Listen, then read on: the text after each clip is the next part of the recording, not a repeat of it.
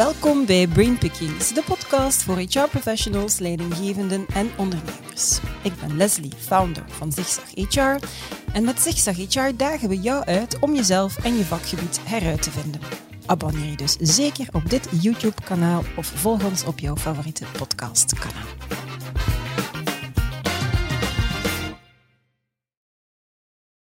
Het zelfstandig statuut biedt heel wat opportuniteiten. Geen wonder dat het zo populair is bij werkgevers en professionals. En met het nieuwe wetboek van vennootschappen en verenigingen dat in werking is getreden op 1 mei 2019, heeft de wetgever getracht om België opnieuw aantrekkelijker en competitiever te maken als vestigingsland voor ondernemingen. En het maakt ook vennootschapsrecht eenvoudiger en meer flexibel.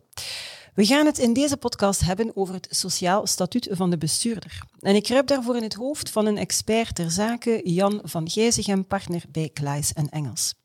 Deze podcast is in het bijzonder relevant voor al wie met zelfstandigen in bedrijven werkt of zou willen werken. Waar het voor een bedrijfsleider bijna een evidentie is, stellen zich toch wel heel wat uitdagingen en aandachtspunten als het gaat over de managers en hoe bedrijven dat in hun organisatiestructuur het best kunnen opnemen. Dag Jan. Dag Leslie. Welkom op onze podcast-show. Blij dat je er bent. Ik ook, dank u. voilà. Um, laten we ons misschien meteen invliegen. Ja. Um, om te starten en misschien om het thema wat meer te duiden. En ik heb het licht aangehaald daarnet, maar voor wie is deze podcast vooral interessant en wat maakt dat ze zeker um, moeten luisteren volgens ja, jou? Eigenlijk al wie met zelfstandigen mm -hmm. in bedrijven werkt. Uh, ik denk dat veel luisteraars of kijkers uh, misschien zelf zelfstandigen zijn mm -hmm. en, en, in die hoedanigheid in een bedrijf werken. En zich dan vooral daarbij de vraag stellen, uh, moet ik terzelfde tijd een bestuursmandaat in dat bedrijf opnemen? Mm -hmm. Mag ik dat doen? Wat zijn de risico's daarbij? Is dat beter voor mijn statuut? En dan zeker ook degenen die proberen in een bedrijf meer zelfstandigen aan het werk te krijgen. En ik kijk dan vooral vandaag naar de directie van bedrijven. Ja, ja, ja. ja. oké. Okay qua afbakening dan. Um, nu, waarom zou je als zelfstandig in een bedrijf willen werken, toekoer, al dan niet met een vennootschap? Ja, wel, dat is eigenlijk... Uh, de, de achtergrond is een eigenaardigheid van ons sociaal zekerheidssysteem in mm -hmm. België. Uh, de werknemersbijdragen, RSZ-bijdragen, dat zijn percentages die worden berekend op het loon en ongeacht de grootte van het loon. Dus of je nu 20.000 euro of 100.000 euro verdient of meer, de werknemersbijdrage zal altijd 13,07% zijn, de -hmm. werkgeversbijdrage 27%. Voor zelfstandigen zijn de bijdragen in ons sociaal zekerheidssysteem, de RSVZ-bijdragen, geplafonneerd. -hmm. Het maximumbedrag is nu ongeveer 17.000 euro per jaar. En dat wil dus zeggen dat zeker wanneer dat je spreekt over grotere vergoedingen, dat het uh, zelfstandige statuut aantrekkelijker wordt in termen van de bijdragen die moeten worden betaald. Dus daar is een besparing. Ja. En die besparing kan worden aangewend, het zij door de bedrijven zelf om aan lagere kost iemand te werk te stellen, het zij om binnen dezelfde kost, binnen dezelfde enveloppe, iemand een hoger netto te geven. Ja. Dat is dus het uitgangspunt keerzijde van de medaille mm -hmm. natuurlijk. Je bent zelfstandige onder het sociaal statuut van zelfstandigen. Dat wil zeggen dat je ook de sociale zekerheidsbescherming van de zelfstandigen geniet. Mm -hmm. Nu, daar is de laatste jaren veel uh, veranderd. Hè. Dus uh, dat statuut is toegegroeid naar dat van de werknemer. Bijvoorbeeld de kleine risico's, de medische kosten mm -hmm. zijn ook gedekt. Dus op dat vlak geen verschil meer. Heel recent het wettelijk pensioen voor zelfstandigen geharmoniseerd met ja, dat ja. voor werknemers. Dus dezelfde pensioenopbouw. Eén zaak die niet geharmoniseerd is natuurlijk, is het werkloosheidsrisico. -hmm. Dat is natuurlijk iets waar men zich zeer goed moet van bewust ja. zijn. Als zelfstandige heb je in principe geen werkloosheidsdekking. Mm -hmm. Oké. Okay. Zeg, en waarom maak jij dan de link met het vennootschapsmandaat, waar we het dan ook duidelijk gaan over hebben? Is het dan niet eenvoudiger om gewoon te werken met een dienstenovereenkomst of gewoon te factureren? Ja, maar dat is zeker eenvoudiger. Mm -hmm. hè. Dat, dat is uh, uh, altijd een mogelijkheid. Uh, maar de vraag is natuurlijk, kom je dan niet in de problematiek van de schijnzelfstandigheid? Mm -hmm. iemand die gewoon een factuurtje stuurt naar een bedrijf, maar die terzelfde tijd, en het verhaal is klassiek natuurlijk, die terzelfde tijd onder het gezag staat van dat bedrijf, en mm -hmm. eigenlijk werkt als een werknemer, ja, dat zal de RSZ natuurlijk met ledenogen aanzien. Ja, ja. En dan krijg je bij uh, inspectie problemen. Het sociaal zekerheidsrisico, dat RSZ-risico, ligt volledig bij de werkgever. Kan in principe niet doorgeschoven worden naar de zelfstandige. En daar kan het nuttig zijn om die link te maken met het vennootschapsmandaat. Er zijn er eigenlijk twee redenen voor. Iemand die als directielid, zal ik maar zeggen, zelfstandig in een bedrijf zou werken. uh, en die geen vennootschapsmandaat heeft, ja, daar stellen zich twee problemen. Eén, die geeft eigenlijk instructies aan de werknemers. En dat is iets wat in België niet kan, want het is een zelfstandige, dat is een externe persoon, die mag geen, instructies geven aan de werknemers. Dat is eigenlijk ter beschikkingstelling van werknemers. Bovendien, als de RSZ daarnaar kijkt, de RSZ zegt, uh, ja, je geeft daar als zelfstandige instructies aan de werknemers. Dat kan ook niet. Je mhm. zou eigenlijk moeten in de hiërarchische lijn in het bedrijf staan. En dus beschouwen wij uzelf ook omwille van die reden als schijnzelfstandige. Mm Om die twee redenen is dat een structuur die eigenlijk niet, niet houdbaar is, die juridisch niet goed in elkaar zit. En daarom kijken wij ernaar of het mogelijk is om die directieleden te werk te stellen binnen een mandaat. om die uh, een vennootschapsmandaat toe te kennen, uh, dat dan ook een zelfstandig mandaat is. Mhm. Waarin het mogelijk is om instructies te geven aan werknemers. Dat is mhm. natuurlijk eigen aan het vennootschapsmandaat. Uh, dat is wat de bestuurders van het bedrijf moeten doen.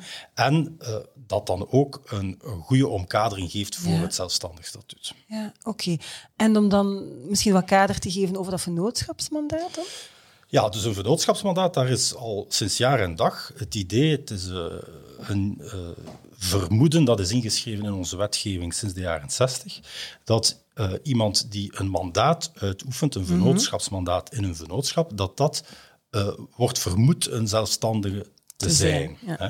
Dus uh, dat kennen we al sinds jaar en dag. Wat is er nu veranderd? Recent is er het vennootschapswetboek bijgekomen, eigenlijk het mhm. wetboek van vennootschappen en verenigingen, het nieuwe. En daar is een clausule in opgenomen die nu uitdrukkelijk zegt, wat er tevoren niet in stond, dat je bijvoorbeeld het mandaat van bestuurder van een NV niet kan uitoefenen uit hoofde van een arbeidsovereenkomst. Dus mhm. dat zinnetje is er nog eens uitdrukkelijk ingezet.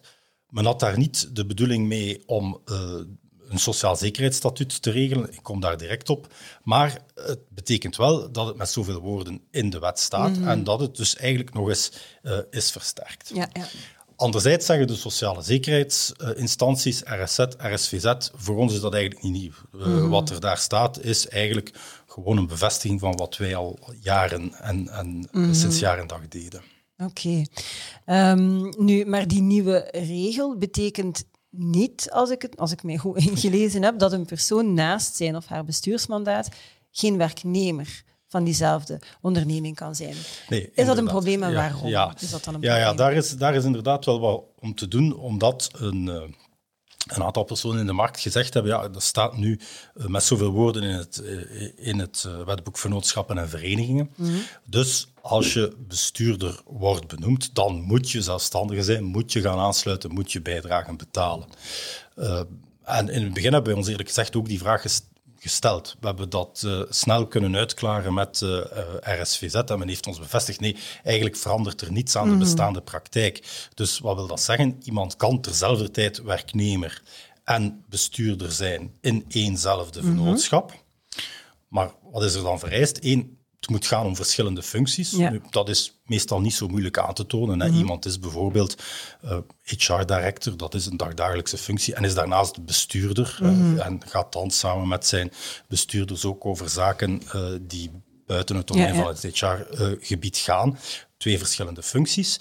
Twee, men mag uh, natuurlijk niet onder gezag staan van het bedrijf. hè. Mhm. En daar is gewoon de praktische regel, ja, er moeten andere bestuurders zijn. Hè. Als die persoon de enige bestuurder is, of die zit in een raad van bestuur met twee bestuurders, mhm. ja, dan kan die natuurlijk niet onder het gezag van uh, de vennootschap staan. Mhm. Maar vanaf het ogenblik dat daar drie bestuurders zijn, is ons idee dat die bestuursraad, hè, die, of college van bestuurders met drie bestuurders, kan gezag uitoefenen over die ene persoon, wat betreft dan die onderscheiden functie, bijvoorbeeld de functie van HR-director. En dat betekent heel concreet dat die persoon kan in de raad van bestuur overruled worden wanneer het mhm. gaat bijvoorbeeld over een, een, aanwerving of een ontslag. En dan is er gezag en dan is dat uh, werknemersstatuut oké. Als, als die persoon als werknemer dan een mandaat opneemt in het bedrijf, en dat is altijd zo geweest, dat in rechten en in feite, zegt men, uh, niet vergoed is, mm -hmm. uh, dan moet daarvoor ook geen aansluiting gebeuren. Nee. En dat is iets waarover nu wel wat verwarring is ontstaan, omdat men eigenlijk uh, uh, de vraag krijgt van toch aansluiten, toch aansluiten. Het is niet altijd nodig. Als aan mhm. deze voorwaarden voldaan is, dualiteit van functies, er kan gezag zijn en het mandaat is in rechten en in mhm. feite onbezoldigd, ja, dan is er geen aansluiting nodig. nodig. Ja. In rechten onbezoldigd moet in de statuten, moet in de documenten staan. In feite onbezoldigd, ja, die persoon mag niet betaald worden voor dat mhm. mandaat. Oké, maar je moet dat inderdaad wel kunnen aantonen en bewijzen. Maar dat moet je allemaal kunnen aantonen als de vraag wordt gesteld, inderdaad. Oké.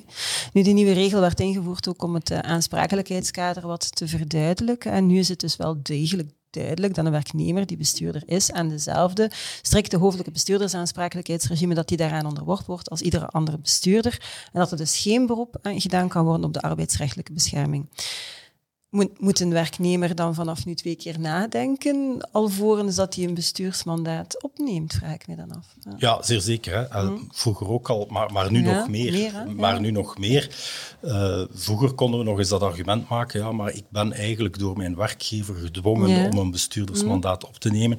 En dus voor mij zou die aansprakelijkheid uh, niet op dezelfde manier mogen, mogen gelden. Ik, ik zou eigenlijk mij kunnen verschuilen achter wat dat artikel 18 mhm. van de arbeidsovereenkomstenwet is ik ben alleen maar aansprakelijk voor mijn grove fout of voor mijn herhaalde lichte fout. Mhm. We hebben daar nooit uh, definitief uitsluitsel over gekregen in de rechtspraak, maar daar was wel wat discussie over en minister Geens heeft daar een einde willen aan stellen door in dat nieuwe wetboek de regel te verduidelijken. Dus nee, je neemt een bestuurdersmandaat op, in welke context, context dat is, of mhm. dat je daartoe gedwongen wordt of niet, speelt allemaal niet mee. Je hebt het opgenomen, dus je bent uh, potentieel aansprakelijk. Ja, wat wel zo is, is dat in het nieuwe wetboek nu de aansprakelijkheid beperkt is tot een mhm. plafond. Het plafond is uh, per vennootschap uh, afhankelijk van een aantal criteria de grootte van de vennootschap.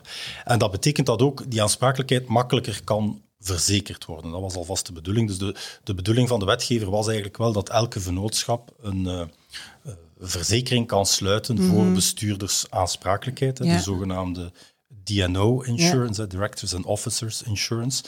En ja, om op uw vraag terug te komen, aan een werknemer aan wie men de vraag stelt om bestuurder te worden, uh, die zal er natuurlijk goed aan doen om te checken dat er zo'n verzekering is, die in het slechtste geval die aansprakelijkheid kan, uh, kan opvangen. Ja, oké. En wat betekent dat dan concreet voor de verschillende vennootschapsmandatarissen binnen? Eh, je hebt een NV, een BV, een, een, een VZ2. Misschien dat we deze kunnen over, overlopen? Ja, we kunnen dat even overlopen, want daar is inderdaad toch wel wat veranderd. Laat ons misschien beginnen met de NV. Eh, de meest gebruikelijke vennootschapsvorm uh, in België, alhoewel dat eigenlijk zo niet zou moeten zijn. hè. Mhm. de, de, nieuwe wet heeft eigenlijk ook tot doel om de BV te promoten als de meest flexibele mhm. vorm. Maar in België uh, hebben toch veel bedrijven de vorm van een NV, omdat dat wellicht ernstiger klinkt om een NV te zijn dan een, dan een BV. In een NV was het zo dat wij in het verleden altijd die structuur van het directiecomité hadden, die ons in deze context van sociaal statuut uh, altijd een, een, een, aantrekkelijk kader bood. Mhm. Uh, wat deed men in een klassieke NV? Een, de eigenaar, familie of de, uh, de aandeelhouders van het bedrijf hadden vertegenwoordigers in de raad van bestuur. En die raad van bestuur benoemde dan het professionele management in een directiecomité. Mm.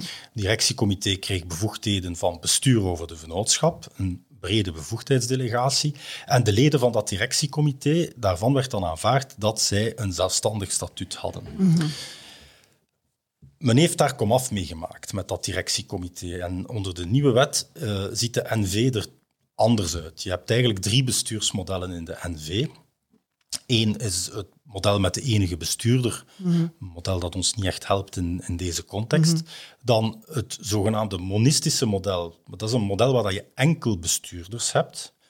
En dat zou men kunnen hanteren om een zelfstandig statuut te structureren voor uh, de, de, leden van het management. Maar dat veronderstelt dan natuurlijk wel dat zij zetelen in de raad van bestuur samen met de eigenaar. En de eigenaar kan dat, afhankelijk van de omstandigheden, al dan niet zien zitten.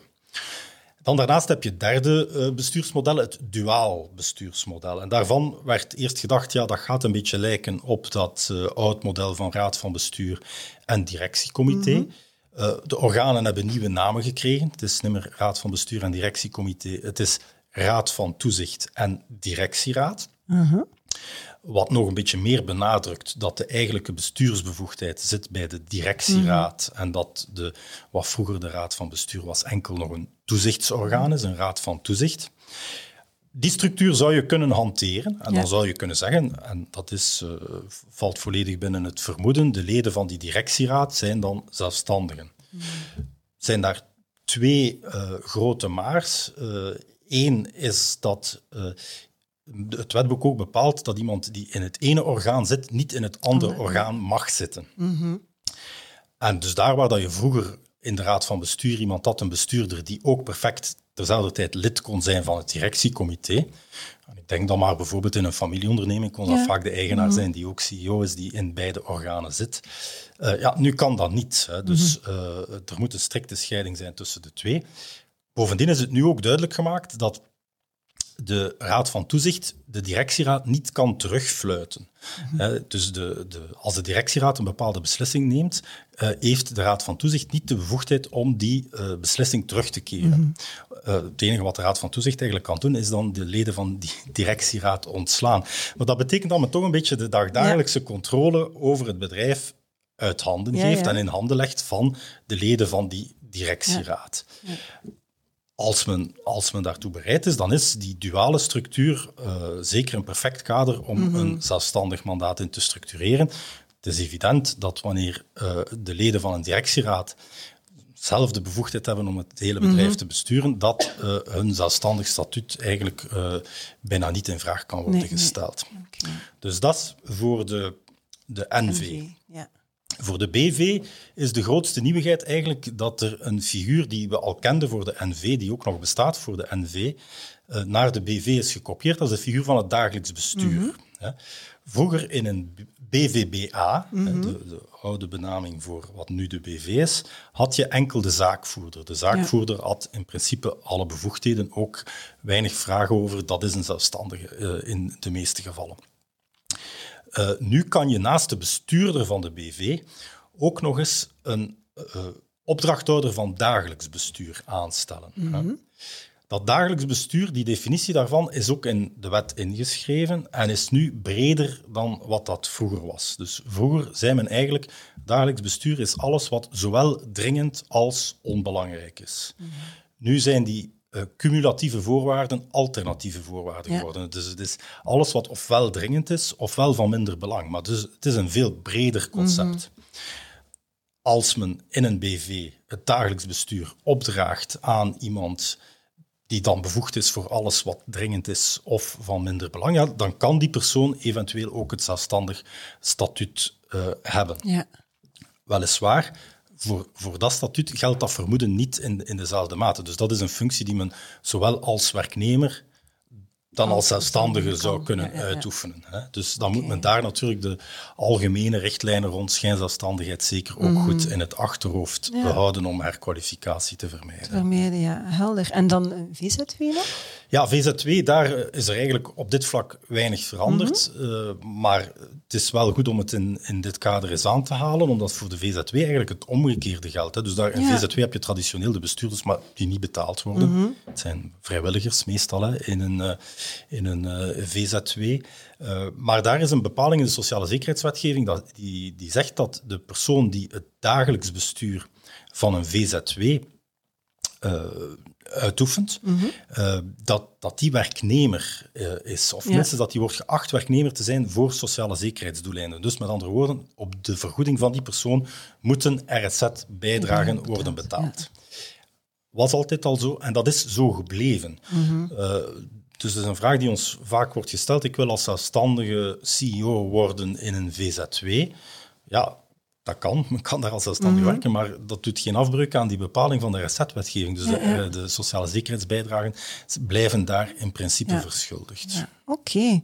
Misschien om, om, om af te sluiten dan, welke, als je dat nu zo zou mogen bundelen in een aantal concrete aanbevelingen aan, aan mensen die, die, die nu luisteren, kan je dat zo in twee of drie aanbevelingen samenvatten? Ja, maar uh, ik denk altijd goed kijken naar de realiteit van het mhm. bedrijf en zorgen dat die bestuursstructuur van dat bedrijf aansluit op de, de, de, de werkelijkheid. Dat de juridische structuur in, in, in lijn is met de, met de werkelijke structuur van mhm. het bedrijf en dat je de beslissing uh, in handen geeft van de mensen die inderdaad de beslissingsbevoegdheid hebben, in het bedrijf.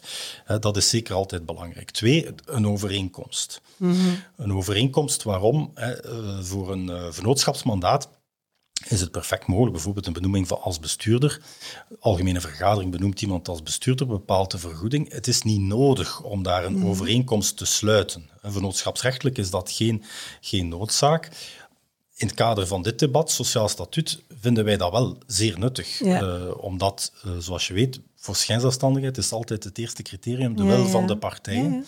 En dus de wil van de partijen zoals die uitgedrukt is in een, in een schriftelijke overeenkomst. Mhm. En je kan perfect dat vennootschapsmandaat, hè, dat een mandaat is op grond van uh, dat wetboek van vennootschappen en verenigingen, verder contractueel gaan uitwerken. En mhm. dat op papier zetten op een manier die toont uh, dat de wil van de partijen inderdaad uh, is om uh, die zelfstandige samenwerking te structureren. Ja, ja. Okay. En dan misschien een derde en laatste advies, dat is om uh, in de praktijk ook die vennootschapsorganen en die structuur die je zo hebt opgezet, om die, om die goed te laten, te laten werken. Ja. En om daar ook uh, de, de sporen van bij te houden. Hè. Als je een, een, raad van bestuur hebt, dat er degelijk dat wordt ge ja, vergaderd, genotuleerd, dat duidelijk is wie daar aanwezig is en, en dat men op, op die manier werkt. Ook hetzelfde als er iemand een dagelijks bestuur krijgt als zelfstandige, dat het dan ook duidelijk is dat hij in de praktijk die beslissingen van dagelijks bestuur neemt en dat daar ook uh, een neerslag, een van, neerslag is. van is, inderdaad. Oké, okay, dankjewel. Heel, uh, ik, ik vond het ook persoonlijk heel, heel, heel boeiend om, uh, om, om te vernemen. Dus hartelijk bedankt voor deze toelichting. Met veel plezier, Leslie. Dankjewel ook uh, aan jullie om te luisteren of om te kijken. Vond je deze podcast interessant? Ja, dan zou ik jullie aanraden om zeker te abonneren op ons YouTube-kanaal of te, ja, eender welk podcastkanaal wat jou, um, uh, jouw favoriet is, um, dat te gaan volgen.